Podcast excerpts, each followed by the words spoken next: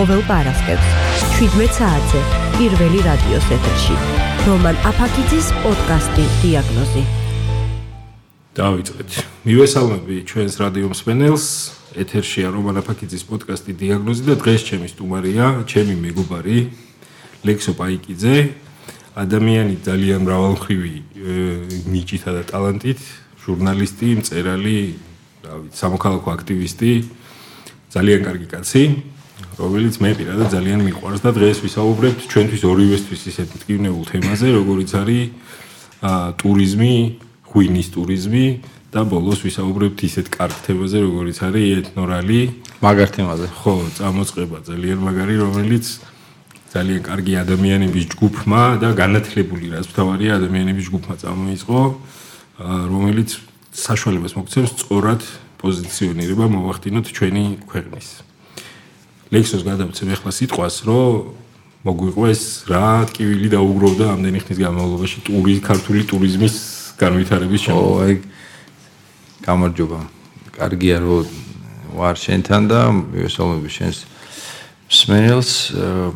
თერა არის წლების განმავლობაში დაგროვებული პრობლემების რაღაც ნაწილი არის ის რაც გადაულახეთ ყველამ ერთად სახელმწიფომ, კერძო სექტორმა, ენთუზიასტებმა, ტურისტებმა, იმიტომ რომ ტურისტის garaშე შენ ვერ ვითარდები, ვერ სწავლობ, იმას მოაქვს შენთან სიახლე, შენ სთავაზობ შენსას და ასე შემდეგ. მაგრამ რეალობა გვიჩვენებს, რომ ჩვენი სურვილი, ეს ცნობილი საგზელობა ხო ეს სრული და შესაძლებლობები რო ემთხვევა ერთმანეთს. ხო, სამწუხაროდ ჯერ ვერ ემთხვევა ერთმანეთს, მაგრამ აი ხა ოპტიმისტი ვარ მთელი ჩემი შინაარსით და მგონია რომ თავარი არის სურვილი.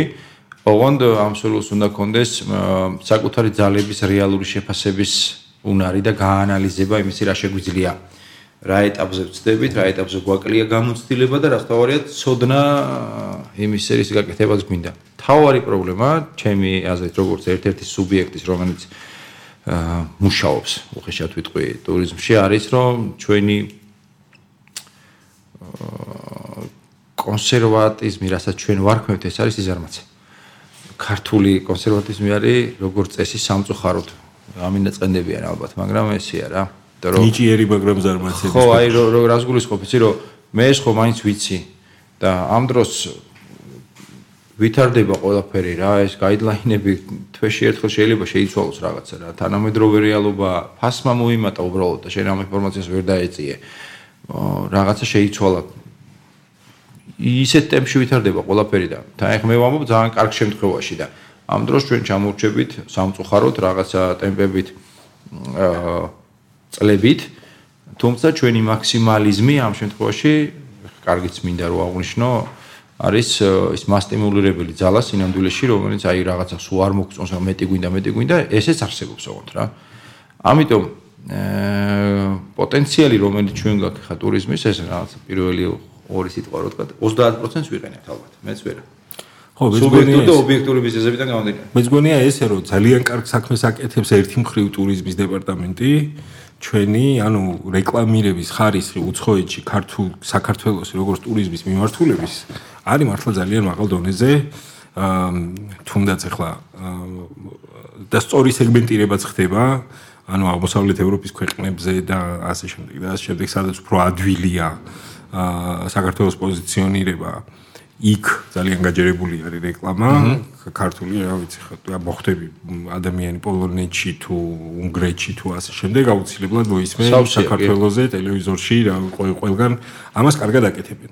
მაგრამ მეორე მხრივ მე მახსოვს ჩვენ ჯერ კიდევ 10 წლის წინ როდესაც სულ დამწყებები ვიყავით ხო თანამ სფეროში აა გქონდა ესეთი სურვილი და მოთხოვნა იგივე თურქეთის მაგალითის შემყური და ასე შემდეგ რომ შემოიღო ლიცენზირება გიდების და ტურისტული კომპანიების. ო ეს ან ესეთი პოპულარული თემაა ხა და ცოტა რთული იმიტომ რომ ერთი მხრივ ჩვენი შიდა ბაზარი არ არის მზად არანაირი ლიცენზირებისთვის სერტიფიცირებისთვის რა.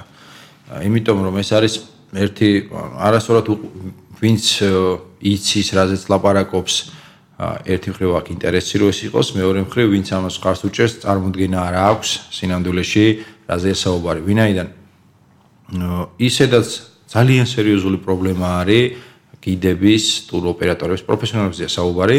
მეორე მხრივ ვინ ამზადებს მაშინ ვინ გასცემს ამ სერტიფიკატს და ლიცენზიას ვინ არის ის ადამიანი ვინც ამბობს რომ მე ვარ პასუხისმგებელი ვინ არის ეს ორგანო თქვა ტურიზმ ადმინისტრაცია მას არ გააკეთებს არც ეკუთვნით მათ ესეთი ფუნქციის მინიჭება ამ წუთას ყოველ შემთხვევაში კანონმდებლობით და მეორე მხრივ ეს უნდა როგორი ხო ხვდებით რას ვამბობ რა მე ვიღაცას ვანიჭებ ელჩის სტატუსი, იმიტომ რომ გიდი თავის ჩინასთან არის კონსული შიდა სივრცეში, რომელიც გააცნობს ქვეყანას, არის პირველი პირი.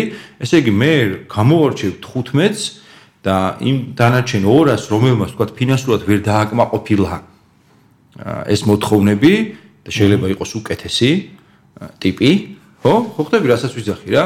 ძალიან მარტო ობიექტურობის უზრუნველყოფა აუცილებელია. ობიექტურობა უნდა იყოს. ამ წუთას ჩვენ ამის უზრუნველყოფის საშუალება არ გვაქვს. ობიექტურობის უზრუნველყოფის, იმიტომ რომ 10 ერთნაირად წარმატებული გიდი პირობითად, რომელსაც აქვს სხვადასხვა ფინანსური ბაზა, ხო? აა სერტიფიცირება თუ იქნება უფასო, რაც მეორე პრობლემას ვქნის და თუ გინდა ამაზეც ვილაპარაკოთ მე რა პრობლემა შეიძლება შეიქმნას, იმიტომ რომ ყველა შეუძლია მე სერტიფიკატი აიღოს და თლათ რისთვის ხდება სერტიფიცირება რომ მოხდეს რაღაც კონკრეტული ასე ვთქვათ კვალიფიციური ტიპების გამოყოფა ხო? ხო. ესე იგი აქ ვიღაცამ ფული უნდა გადაიხადოს, თორე ყველა მოვა და გახდება სერტიფიცირებული გიდი. შესაბამისად თუ არა აქვს ტიპს რესურსი რომ გადაიხადოს რაღაც თანხა, ძალიან რთული თემაა. არ არის მარტივი, ვითომ უმეტეს ტურკომპანიებისთვის, რომელსაც სახელმწიფო მეერე როგორც წესი მოთხოვს საბანკო გარანტს რომ ისინი იყვნენ ამ ბაზარზე. ესეთი მარტივი მისაღწევი არ არის ჩვენთვის ეს. ხო მაგრამ მეორე მხრივ რაღაცა თანხად თუნდაც სიმბოლურ თანხად უნდა გიღირდეს შენ თუ ამას გადია მაგრამ მე ეს ვხედავ რომ ეს უნდა იყოს თვით რეალიზების საშუალება. მე უნდა მქონდეს არჩევანი სად და რომელ ინსტანტ პირობითად მომავე ხა ამ სიტყვას სტრუქტურაში მექნება საშუალება რომ ჩავაბარო ასე ვთქვათ ეს გამოცდა მომცეს ამან მეწოდნა შენ კი იცი ხომ ჩემ შემთხვევაში არის თავიდან ბოლომდე ხა წლებია ვარ ტურიზმში. რა თქმა უნდა ეს სერტიფიკატი ის თავის დროზე ძალიან მნიშვნელოვანი იყო და იმიტომ რომ ცნობადობა ყოფილიყო. და არა იმიტომ რომ მე იმან ცოდნა შემატა. ესია ბევრი რომელსაც აქვს უფრო მეტი გასაცემი ვიდრე მისაღები და ამაზე აპელირება სახელმწიფოს შემოსავლის წყარო არ უნდა გახდეს უბრალოდ ეს ვიღაცისთვის და ბევრი სერტიფიცირებული გიდი არ ნიშნავს ბევრ ტურისტს აი ეს უნდა გავითვალისწინოთ ჩვენ რა. კი, მაგრამ რაღაც დონეზე ტურიზმ ტურისტის დაცვას ნიშნავს.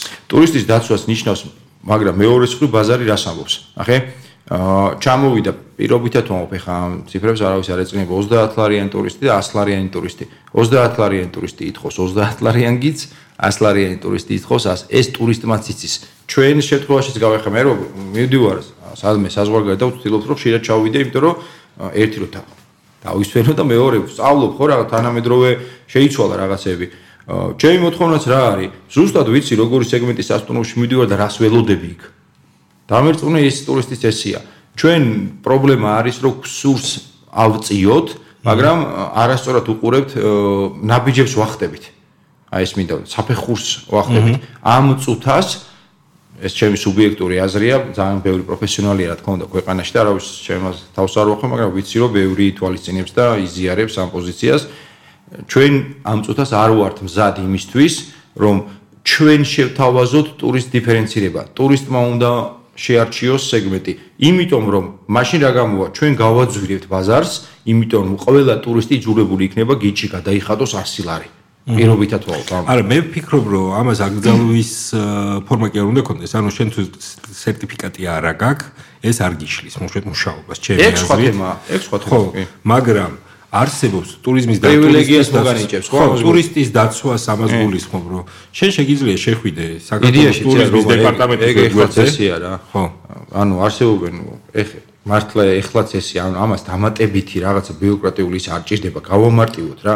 ეხლაც ესე არიან ტიპები, რომელსაც რომელსაც აქვს სერტიფიკატი, რომელსაც გიდების ასოციაცია გასცემს და ძალიან კარგი ორგანიზაცია და არსებობს და აკეთებს ეს ხალხი წლებია საქმეს, გაქვს იციან ხარ საიძე. ხო და აგერ ყავს რეფე მიეცი ამ გიდების ასოციაციას საშუალება რომ ლიცენზია გააკეთოს უკვე პრობლემა არ არის. მე პირადად ეხა ჩემი აიხო ამის მიუხედავად სუბიექტური აზრია რომ ძალიან ბევრი მაგარი ტიპი რომელსაც უბრალოდ არენდომება ეს და უფრო მეც იმუშავებს ვიდრე სერტიფიცირებული გიდი. დრო კაი ტიპია. ხო. ოხტები. და უფრო იაფად იმუშავებს შესაბამისად. არა, შეიძლება უფრო ძვირად იმუშაოს. დამიჯერე, იმიტომ რომ აი პოზიციას დაიჭერს, რომ აი ეგეთი ვარ, მე ვარ მაგარი ტიპი. ხო. ისე ვარ, რევოლუციონერი ვარ რა. უფრო მეტი ვიცი და მოკლედ შეიქმნის თავის კაცო კაპიტალიზმია საბაზრო ეკონომიკის პირობებში მე შევქმნი ჩემ თავს. ხო, მაგრამ მეორე მხრივ შეხვდება გიდები ეგ ამბავი მინდა რომ მოგაყოლინო მაინც რა კი კი არ გიდა შეიძლება მაგრამ გერგეძე ამყვანი გიდი რომელიც პირველად ავიდა ტურისტებთან ერთად გერგეძე. თურმე პირველად ავიდა ხა იმას ვინ დაიჯერებდა რომ 40 წლის კაცი ხა ტურიზმში ყოფი რა გინდა რატო ყოლინებ ამ ხო და ანუ ეგ როგორ იყო ხა თავარი ისე რომ ეს კაცი მესამე დღეს ხდება ეს ამბავი და რომ გაუშვეს ეს ტურისტები მე მირეკავს კომპანია რომ რაღაცა აი ესეთი მდგომარეობა შეიქმნა რომ გიდი შეცვლა მოგვიწია და რაღაცა ჩაერთე და გიდი შეცვლა მოგვიწია ნიშნავს რომ გიდი ან ჯანმრთელობით არის ცუდად ან რაღაც ძალიან ცუდი მოხდა იმიტომ რომ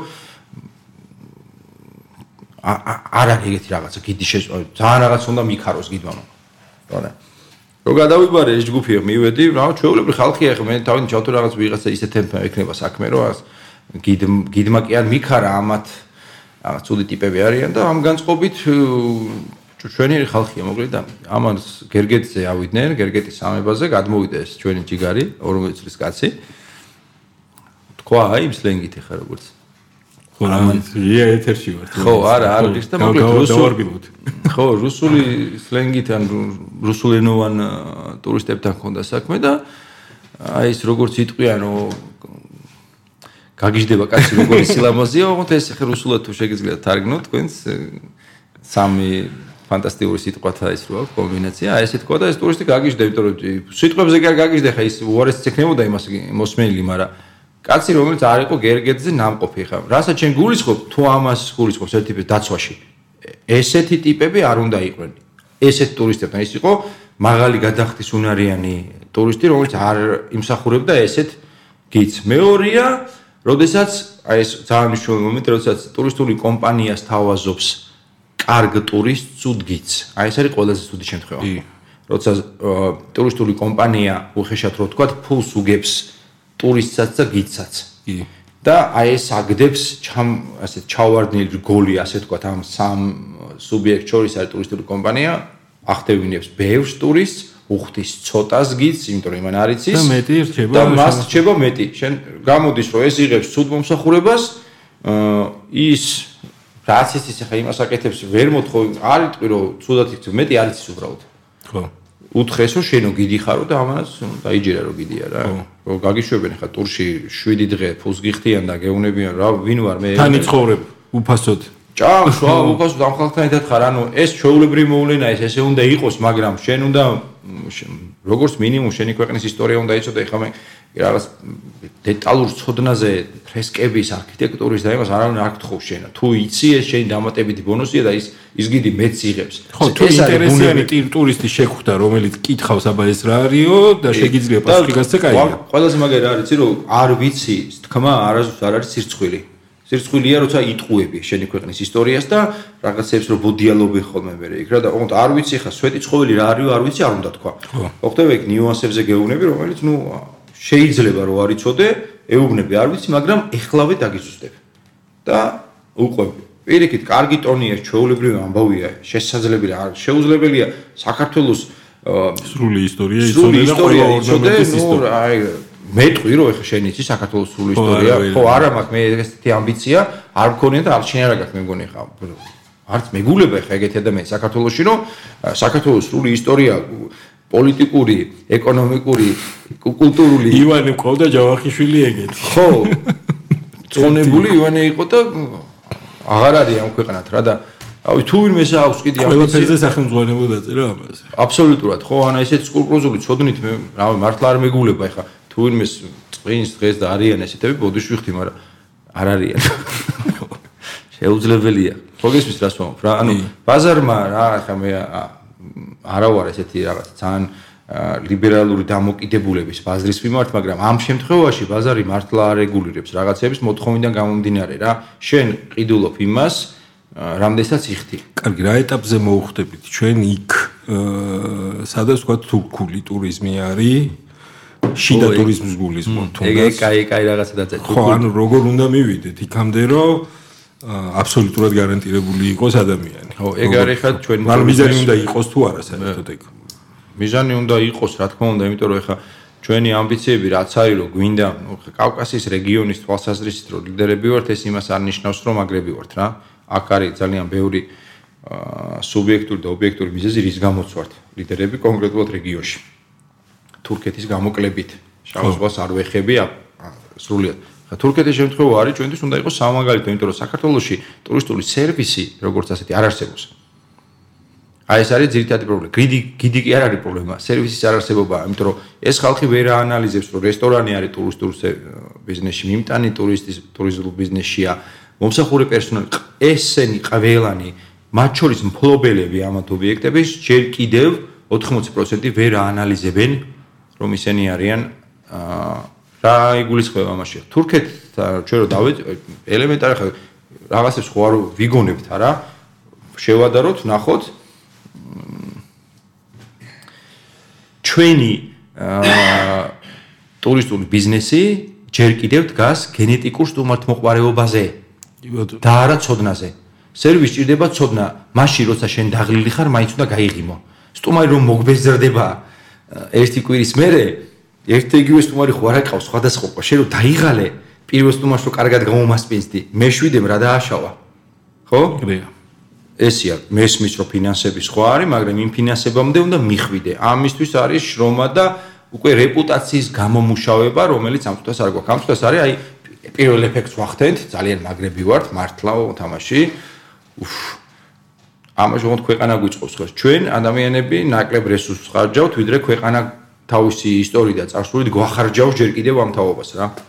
მე მგონი მე მქონდა ესეთი პრაქტიკა როდესაც უკრაინაში ვიყავი ერთ-ერთი ტურისტული შენ კი იცი სამბავი დირექტორი. აა ჩვენ მქონდა ურთიერთობა ძალიან ინტენსიური ალბანურ ტუროპერატორთან წამყვან ალბანურ ტუროპერატორთან და იქ ვაგზავნიდით უკრაინიდან ტურისტებს. აა მე ვერ გეტყვი რასის წრაფით 3 წელი ვიმუშავე მე ამ ხალხთან. რასის წრაფით ვითარდებოდნენ ისინი ამ 3 წლის განმავლობაში. ხო, ამას ონლაინ რეზერვირების სისტემები, არა მხოლოდ სასტუმროებზე. ყველა ცალკე სერვისზე. ესენ შექმნეს 0-დან 2 წლის განმავლობაში. ყველაფერზე, ყველა აი აბსოლუტურად ყველაფრის დაჯავშნა შეგეძლო იქ. მზაობა ამ ტურისტულ ზონაში ალბანეთი რატო ვიღებ ახლა ალბანეთის მაგალითს? ეხლა თურქეთზე შეიძლება ვიღაცამ გითხრას რომ და მართალიც იქნება რომ თურქეთის ტურისტული რესურსი სხვა სხვა არის და მეტი საშუალებას იძლევა. აი ალბანეთის ტურისტული რესურსი სხვა არ არის და მეტი საშუალებას თუ არის სხვა უფრო ნაკლებია ვიდრე ჩვენი, ხო? გაცილებით. გაცილებით. ნუ ერთი ეს აქვს რომ ზღვის ტურიზმი კარგად განვითარებული აქვს, იმიტომ რომ ფაქტობრივად ნუ ზღვის ტურიზმი აი და იქ ოხრიდის აი ეს აღმოსავლეთ დასავლეთ მხარე. აა იქ რას აკეთებდნენ ესე იგი? აა იქ მოლაპარაკებები აა სასტუმროებთან იმდინარეობდა მეც მონაწილეობდი ერთ-ერთში ესეთში, ანუ ჩვენი ტურისტული სეგმენტისთვის ვარჩევდით უკრაინული ტურისტებისთვის ვარჩევდით და მეც ვიწვეული ვიყავი სასტუმროებს.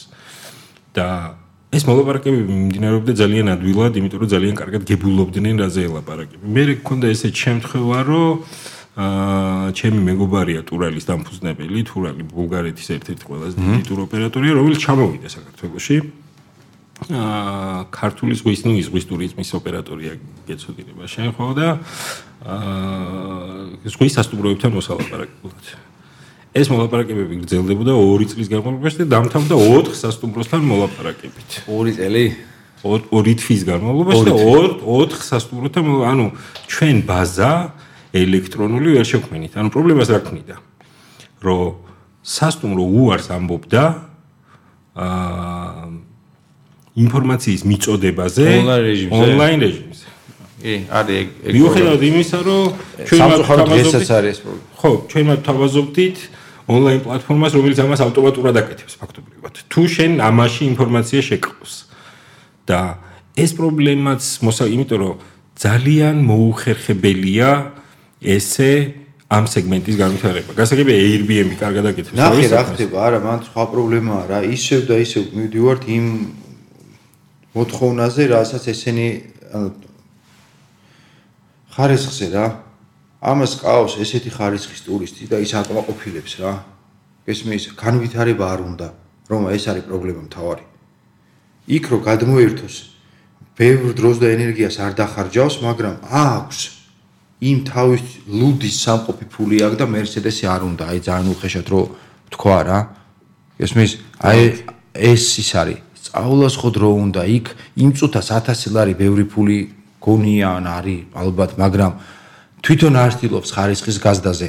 ეს არის თემა, როდესაც მოდის ტიპი, რომელსაც აქვს სურვილი ჩადოს ბიზნესში და გააკეთოს რებრენდინგი ამ ბიზნესის და ის რასაც შენ ამბობ. ელემენტარ რაღაცებზია ხო სინამდვილეში ლაპარაკი ხარ. თანამედროვე პროგრამის დაყენება, რომელიც ავტომატურად მუშაობს, საქართველოს არ გვიკვირს ცხადია, მაგრამ იქ სადაც შეიძლება ეს მოხდეს, მე მაქვს ახსნა ასე ვთქვათ, რატომაც შეიძლება მოხდეს, იმიტომ რომ ამას ყავს თავისი მომხმარებელი, იმავე ხარისხის, ეს არის ჩვენი ტურისტული ბაზრის ძირითადი პრობლემა და რაზეც ახლა ბოლო წელია უფრო აქტიურად ადმინისტრაციის მხრიდანაც და ზოგადად კერძო სექტორი განსაკუთრებით ახლა კრიზისის შემდეგ ზაფხულის დაიწყო ლაპარაკი მაღალი გადახდის უნარიანი ტურისტების შესახებ, ხო?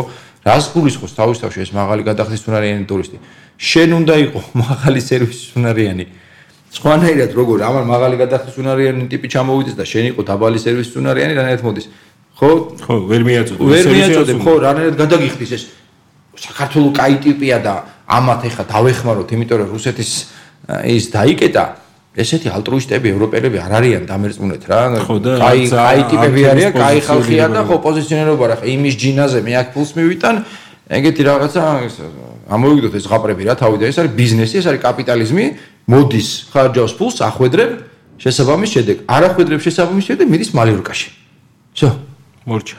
ესეა ეს ამბავი და სანამ არ წავიდეთ. ლუდს შევეხეთ ეხა. მოდი ლუდიდან ნელ-ნელა გადავიდეთ შენს კიდევ ერთ ძირითად კივილზე. ვინო, ვინოზე. და ვინის ტურიზმზე ზოგადად. ამ მიმართულებით გვაქვს ძალიან ბევრი პრობლემა საქართველოში. სამუშაო. ეს დავარქვა.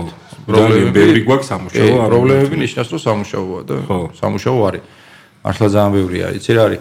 აა ქართული ღვინის ზოგადად ქართული ტურიზმის დაახლოებით ახლა არ მინდა 2-3%-ზე ისე ვქნა, მაგრამ ნახევარზე მეტი 60% დგას ღვინის ტურიზმზე. ამ წუთას პირველ რიგში შეიძლება ცოტა მეტი, იმიტომ რომ ჩვენი შემომავალი ტურიზ ტურისტის უმრავლესობა არის ისე პოსტავთა სივრციდან ჯერ კიდევ, რომლითაც შენი ღვინო უფრო ასე ვთქვათ ხარისხიანია. და უფრო ცნობილია და უყვარს თან. ხო? შესაბამისად, ზეღარ რასაც მომუდით. შენი ტურისტის ხარისხი განაპირობებს შენი ღვირის ხარისხს ერთწილად და როგორც ისევე შენი ბაზრის ხარისხი, საექსპორტო ბაზრის ხარისხი განაპირობებს შენი ღვინის ხარისხს.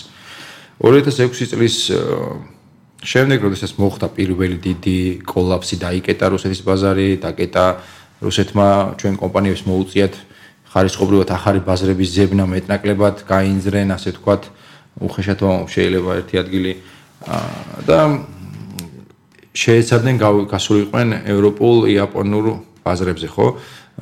პატარა ღვინის მარნებს უფრო გაუადვილდათ ეს თემა.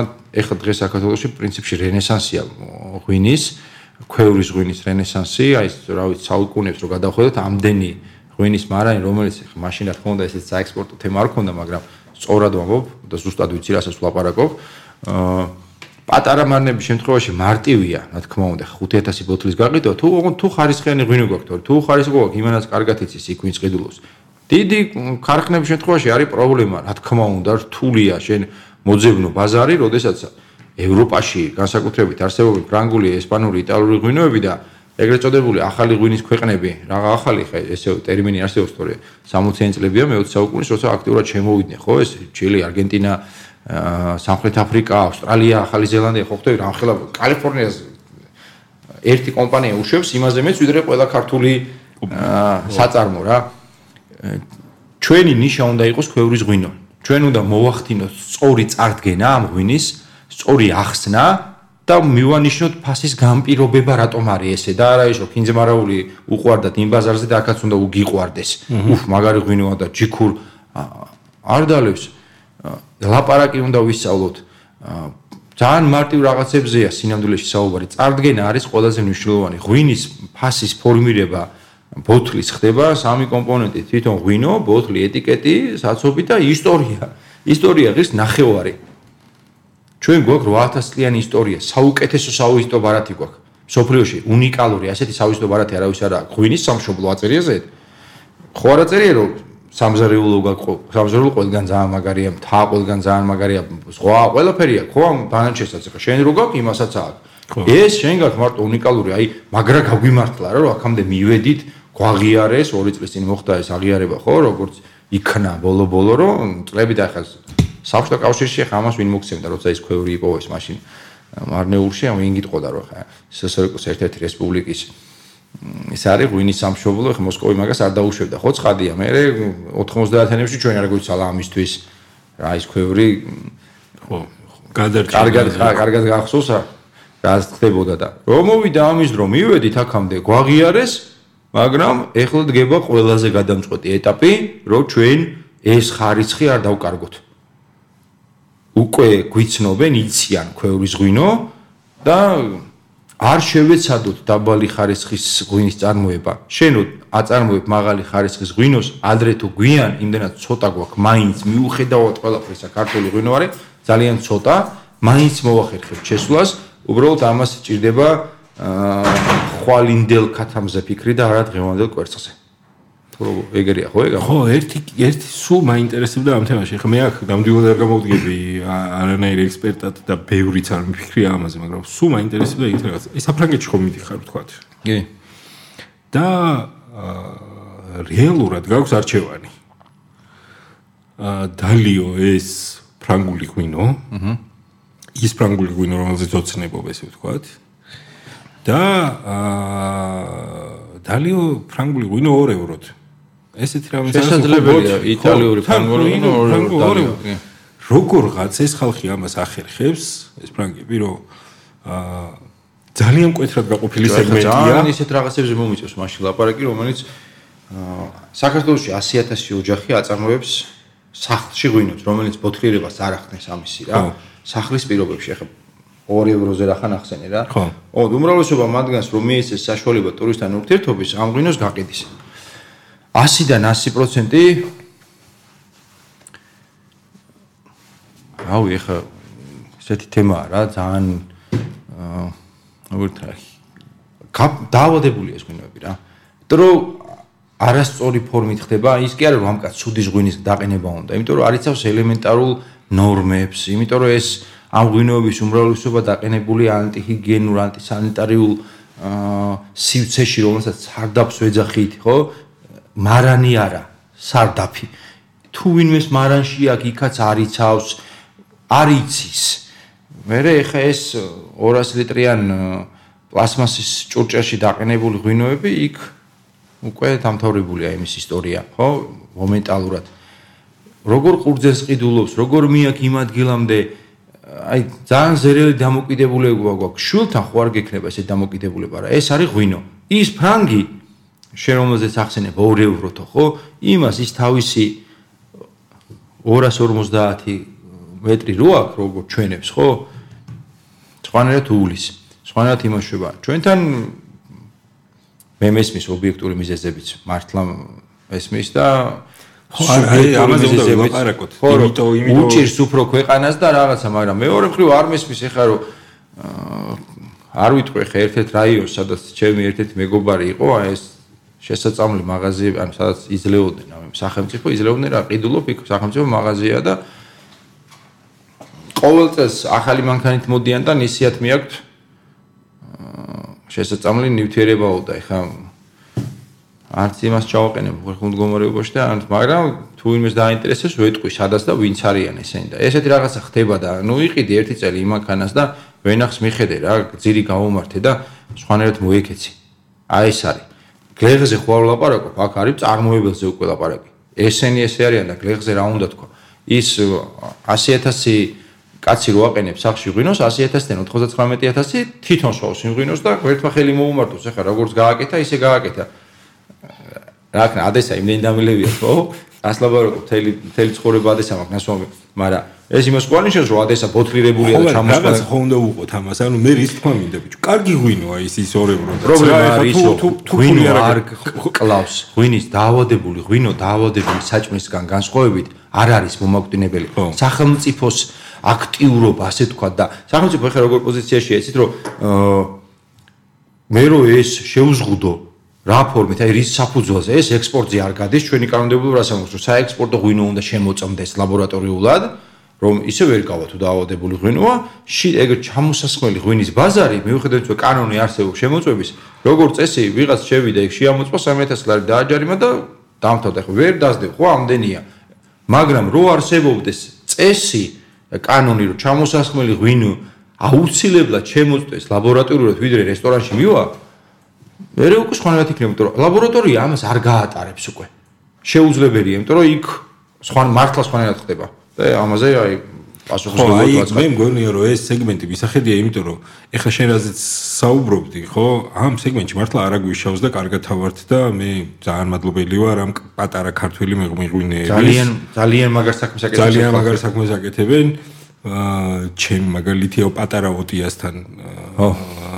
მარანში მისვლა ეს მართლა დიდი ბედნიერებაა და დიდეს საქმეს აკეთებს. თან ახლა ეს ღვინო რო გააკეთა ოტია ბაბუების სახელობის. თუ გასინჯე. არა, არ გამოსინჯოს, მაგრამ ვიცი რაზეც ამა. აა უსახელაურისგან ხო არ გამოგდის მშრალი ღვინოები? გამოგდის კაცო. ხო. ამან შეურია აა აი ცაი ეგეთი საფერე. ოცხანური? ოცხანური საფერე. გამოვიდი გადასარევი ღვინოარი ოტია ხო ჩვენი პრობლემა კიდევ ეს არის ეხლა რაც რაც თქვი შენ რა ეგეც ის არის ადამიანს ეხლა დიდი ღვინის ექსპერტი ხო მე არა არ ხარ მაგრამ აი მას ვამბობ რა შენ არც მოგეთხოვება რომ ღვინოს არაკეთებ და ძირითადი პრობლემაა ეს стереოტიპული აზროვნება ღვინოსთან დაკავშირებით პაპა ჩემი ესე აყენებდა უკვე ნიშნავს რომ კაია იმისთვის. რაში პლასმასის იმაში აყენებდა პაპა მას. არ აყენებდა, აი აქედან დავიწყოთ, ხო? მეორეც ერთი თუ აყენებდა, ანუ ისევ გენეტიკურ მეხსიერებაზე მივდივართ. ლექციებს რო ვატარებთ ხოლმე, მე როცა შეგვიდარებია, გვითქვამს, აგვიხსნია და ასე შენ რაღაც დიდი კურსი გვაქვს, წლებია ვატარებთ ამ კურსს, ხო, აი ღვინის, ასე ვთქვათ, მარტივად რო დავარქვათ, ღვინის გიდის კურსია, მაგრამ მისი სიყვარულის ცოდნის ამაღლებისთვის არის მოწოდებული და როგორც მეღვინეებისთვის მოქმედი პრაქტიკოსი გიდები და ასე შემდეგ.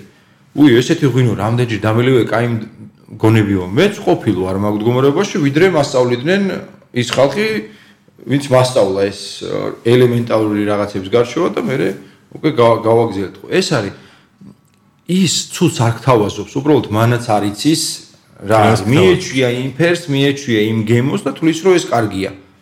სირამდულეში და ყველაზე მთავარი ქონდა ერთი ორი წლის წინ მაგაზე 25 ლარიო ბოთლის ღვინო ზვირიაო რა და სამლრად ვიყიდიო ლიტრსო და ანუ ბაზარს თუ გადავხედავთ, ხო ახლა ქართული რეალობი და გავნა შეიძლება გეძვიროს, მაგრამ მეორე მხრივ ნახე რა არის.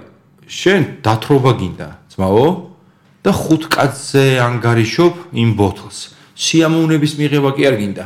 გინდა რომ დათვრე, იმიტომ გიღებს ის ცუდი ღვინო დალი, ალკოჰოლი იმასაც ისე აქვს, ალკოჰოლი ხარისხით არ განისაზღვრება, აბსოლუტურად ღვინის არომატები და გემოთი, აკაც ესე მიქნება ალკოჰოლი, როგორც მინდა ესე იქნება.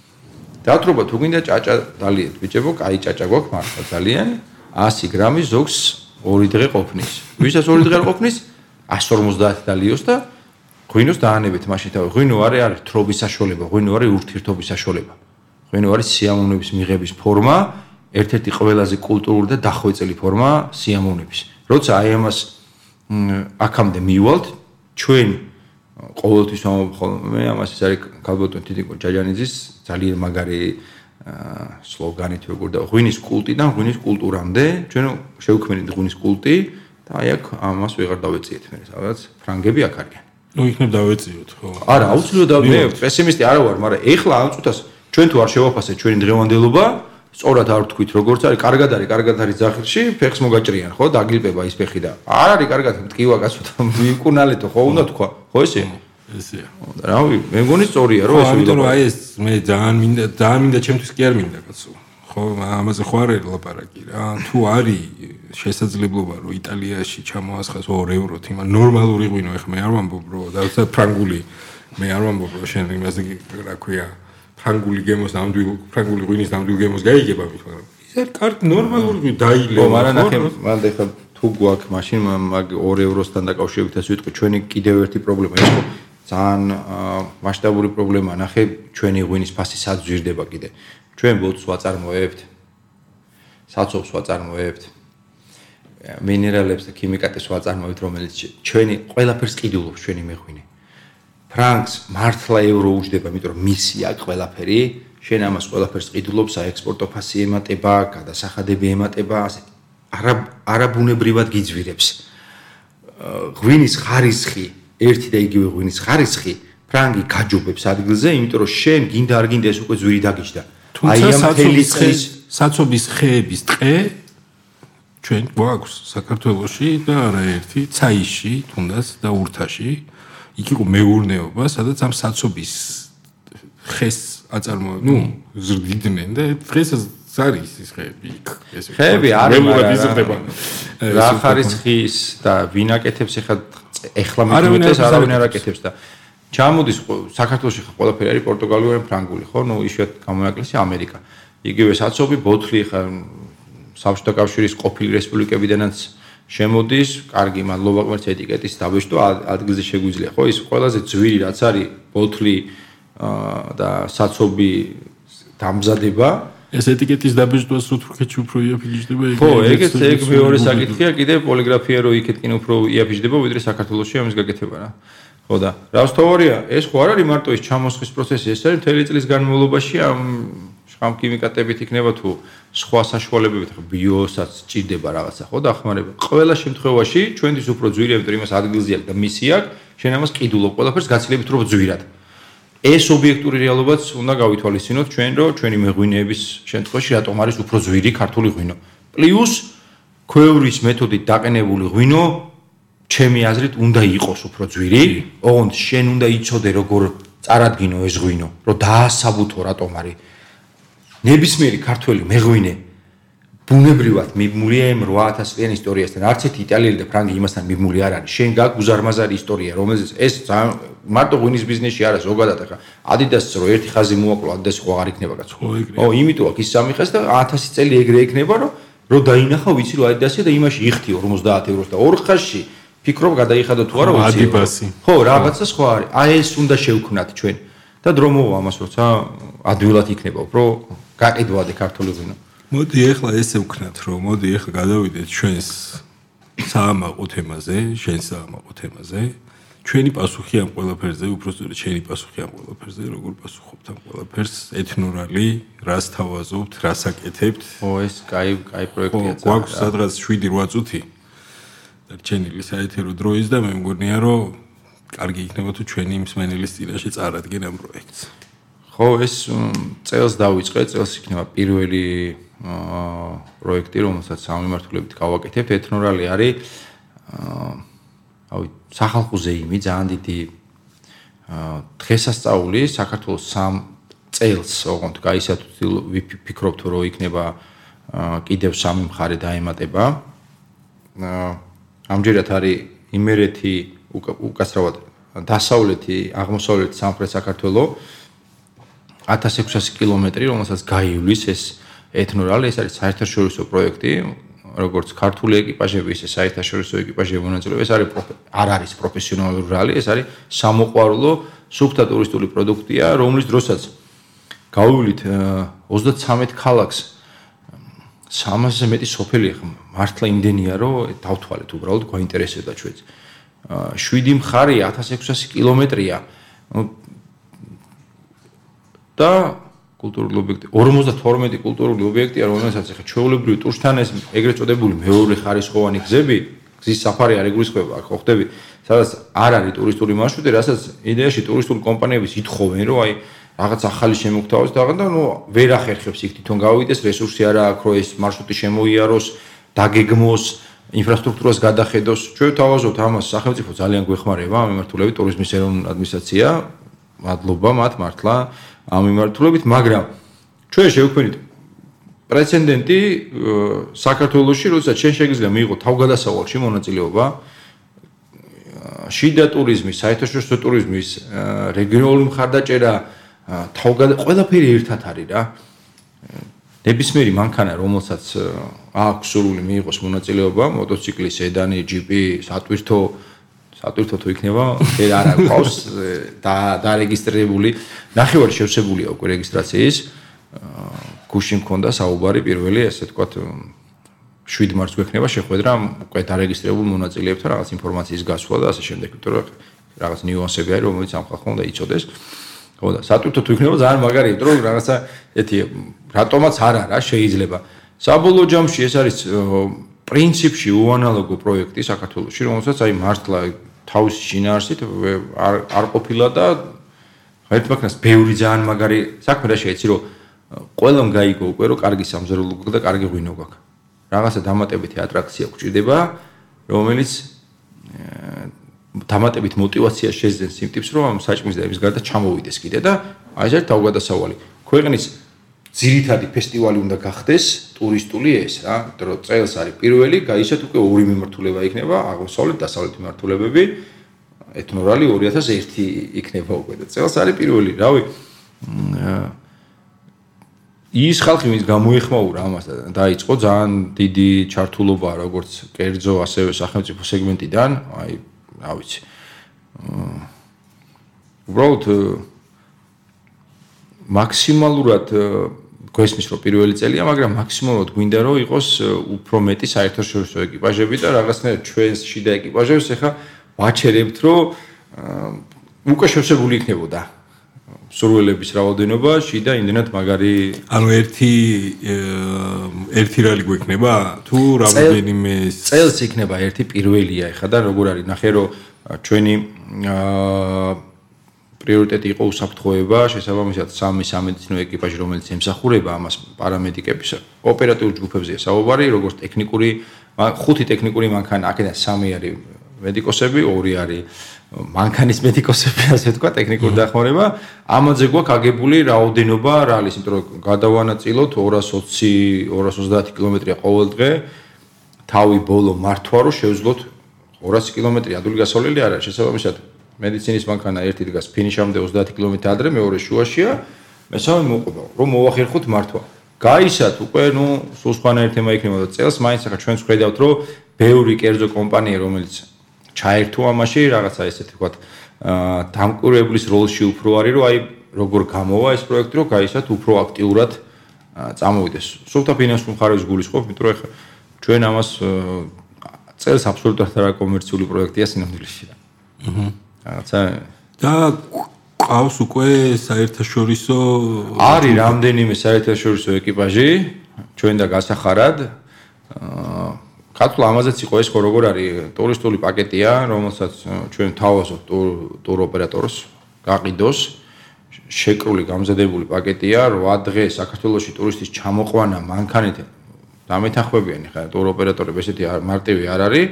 იმ დამატებითი შესაძლებლობიდან გამომდინარე, რასაც ჩვენ თავაზობთ, მათ ყოველ დღე კონცერტი, ყოველ საღამოს უпроსტორად რალის დასრულების მერე ეს თამაშები ამ მონიშნვის წერტილებზე, რომელიც კულტურული და ისტორიული ობიექტებია და ყველგან მიდის ქულების დაგროვება, ესე ხდება თუშეთში ორდღიანი დიდი დღესასწაული, პარაგლაიდინგი, უფასო და ასე ძალიან ბევრი რაღაცა რასაც უბრალოდ ტურში ვერ შესთავაზებს. უი უი უი, ეს ამდენი მანქანა თუშეთში უნდა იყოს. ეს ამდენი მანქანა თუშეთში უნდა ავიყვანოთ კი. ვაჰ აუცილებლად ან 15-16 ივლის 16-17 ივლის ყველაზე ერთ-ერთ ყველაზე ექსტრემალურ გზაზე მსოფლიოში. რა არის იცი ერთ-ერთ ყველაზე საინტერესო ესე ვიტყოდი, ბოლო წლების განმავლობაში ძალიან გაფართოვდა და ყოველ წელს დავდივართ ეხა თუ შეშდა დამეთახმებია მის დადიან ის გზა რაც იყო თუნდაც 6 წლის წინ 5 წლის წინ ეს გზა აღარ არის რაც შარშან იყო ან წელს იქნება აბსოლუტურად შეცვლილი რეალობაა მაგრამ აი ეს დაუვიწყარი შთაბეჭდილება რაც აბანოს უღელტეხილზე არასდროს არ დაგავიწყდება. ორი დღე თუშეთის შემთხვევით არ შეგვირჩევია მოკლედ. ამის თქმა წარმოუდგენლად მაგარი რაღაც ექნება. მე მთელი გზა მიდის დაუტვირთავი რეგიონები რას რას გულისხმობს თავისთავში ის ხალხი სადაც გვინდა რომ გამოჩნდეს რომ ეს მხარეები აქტიურია მაგარი ობიექტებია მოდით აქ და იმ ხალხმას დაინახოს. ადგილობრივ აქ ტურისტი შეიძლება მოვიდეს და გაემზადოს რაღაცისთვის. ვიღაცამ სასტუმრო სახლი გახსნას ვიღაცამ რა ვიცი ყველი გაყიდოს ელემენტარ რაღაცებზე ლაპარაკი საცხოვრობს მე ეს ამდენი ხალხი? ლექსო ანუ როგორ არის ისინი შეარჩევენ თვითონ ლოგისტიკა. ჩვენ ვაძლევთ კონკრეტულ მოცემულობას, უნდა სასტუმრო სახლში დარჩეს, უნდა სასტუმროში, უნდა კემპინგზე. თუ ვიღაცას ნათესავი ყავს და მეგობარი იმასთან დარჩეს სახლში, ჩვენ ახლა აუცილებელი ფორმით ფულის დახარჯვას ერთადერთი რაც გვაქვს ჩადებული ხელშეკრულებაში, რომ 8 დღის სამყოფი მარაგი საჭმელი არ მიაქვს, რომ გზაში იქ კონდეთ ინტერაქტივი და მაქსიმალური ჩართულობა. ჯამში 56000 კაცთან უშუალოდ უწევთ მარტო კონტაქტი ჩვენი დათვლით და სოციალური ქსელით რა ხელა ისმიდის ეს სხვა თემაა კიდე რა. ძალიან მაგარი პროექტია. დიდი მადლობა შენ რომ მოხვედი. ეს ჩემთან და რა ვიცი, იმედია რომ კიდე არაერთხელ შევხვდებით. ყოველ შემთხვევაში ეს რალი რომ მორჩება, მე აი ეს წამო წამო რალზე. ხო თუ მოვიცლი აუცილებლად წამოვალ. აბა, წარმატებები და დიდი მადლობა ჩვენს მენელს. ყოველ პარასკევს 17 საათზე პირველი რადიოს ეთერში. რომან აფაკიძის პოდკასტი დიაგნოზი